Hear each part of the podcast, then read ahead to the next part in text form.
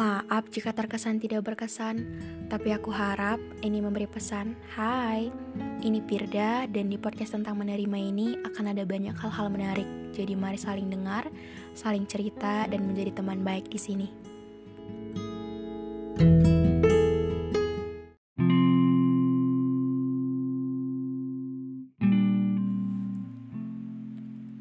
Saya tidak suka caranya menanggapi perasaan saya.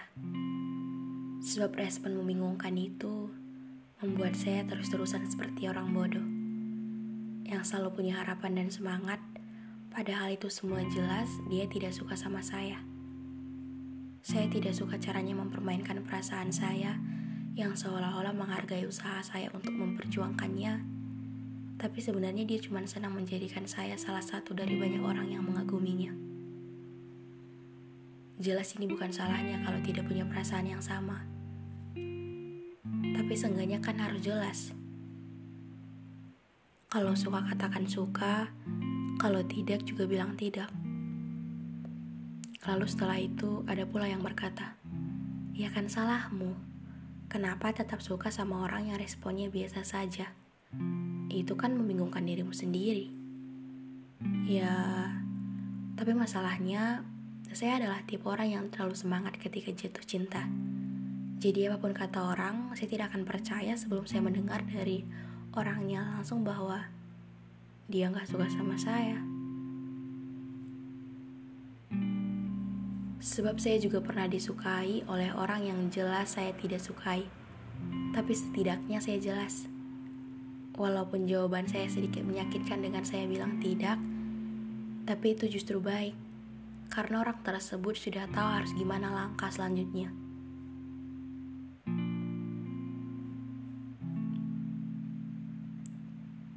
Jadi, ketika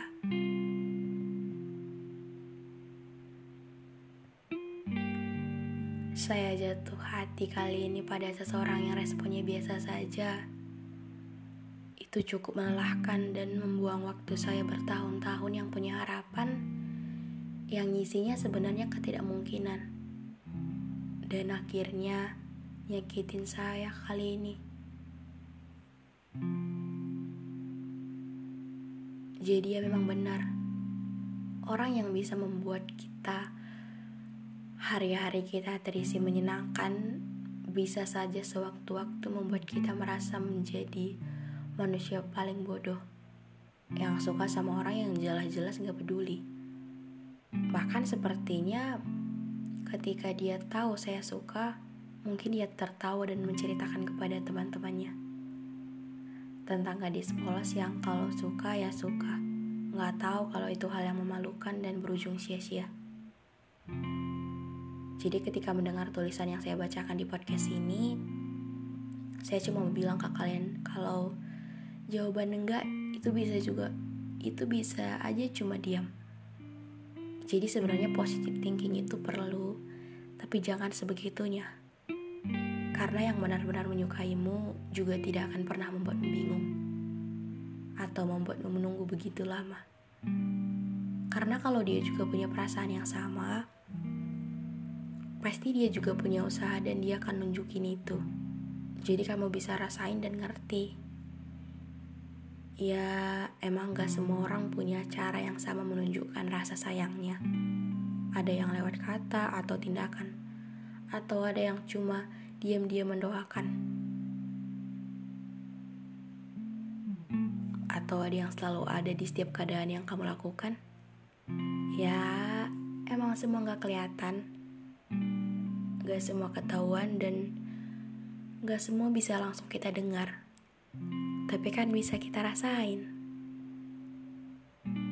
Kalau nggak juga bisa dirasain kehadiran tindakan dan rasa sayangnya ke kita, ya udah. Sekarang pelan-pelan abaikan saja perasaan kita ini.